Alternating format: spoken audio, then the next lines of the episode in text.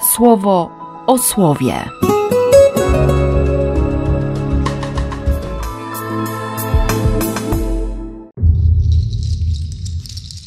Osiemnasty lipca, poniedziałek.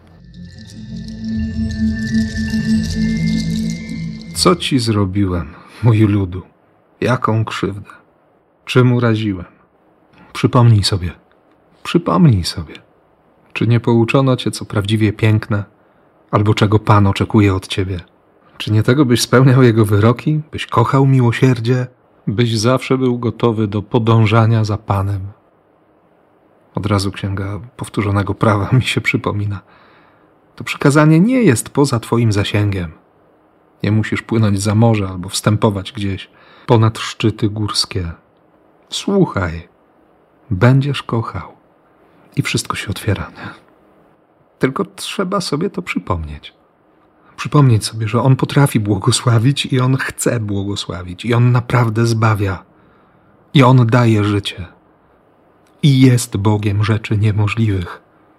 A to niemożliwe wcale nie musi się objawiać spełnieniem tego, co takie, co takie moje, nie? co takie potrzebne, co, co właśnie na teraz wydaje się być jedynie sensowne.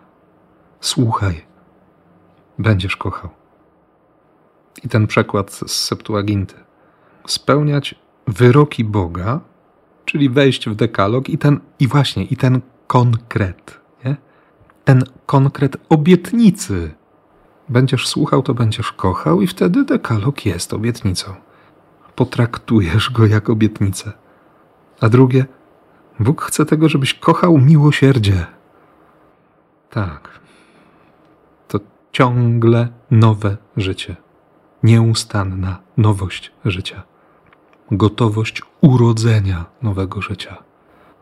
Tak. To bywa bolesne. Ale jest życiodajne. Bo w sumie o to też chodzi w tym znaku Jonasza, nie? Nauczycielu, jeśli to, co mówisz, jest prawdą, potwierdź to jakimś znakiem, no dokonaj cudu. Tylko ludzie zdeprawowani i pozbawieni wiary domagają się cudów. Tam dosłownie Mateusz zanotował cudzołożni. Nie będzie innego znaku jak znak Jonasza.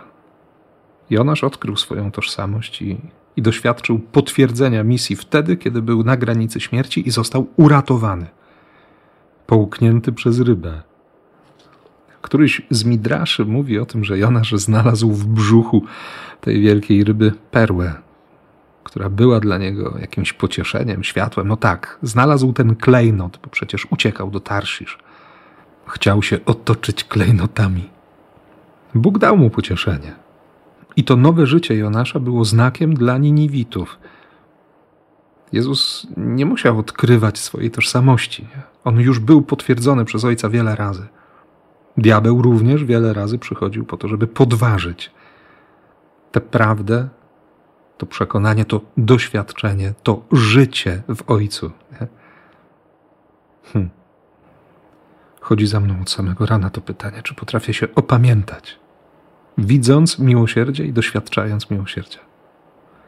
Dlatego znów mocno Bogu dziękuję za Kościół i równie mocno proszę właśnie o to, żeby, żeby modlitwa Kościoła prowokowała mnie do opamiętania, do zmiany myślenia, do odkrywania ciągle na nowo miłości i miłosierdzia. I Tobie też tego bardzo, bardzo mocno życzę i błogosławię w imię Ojca i Syna i Ducha Świętego. Amen. słowo o słowie.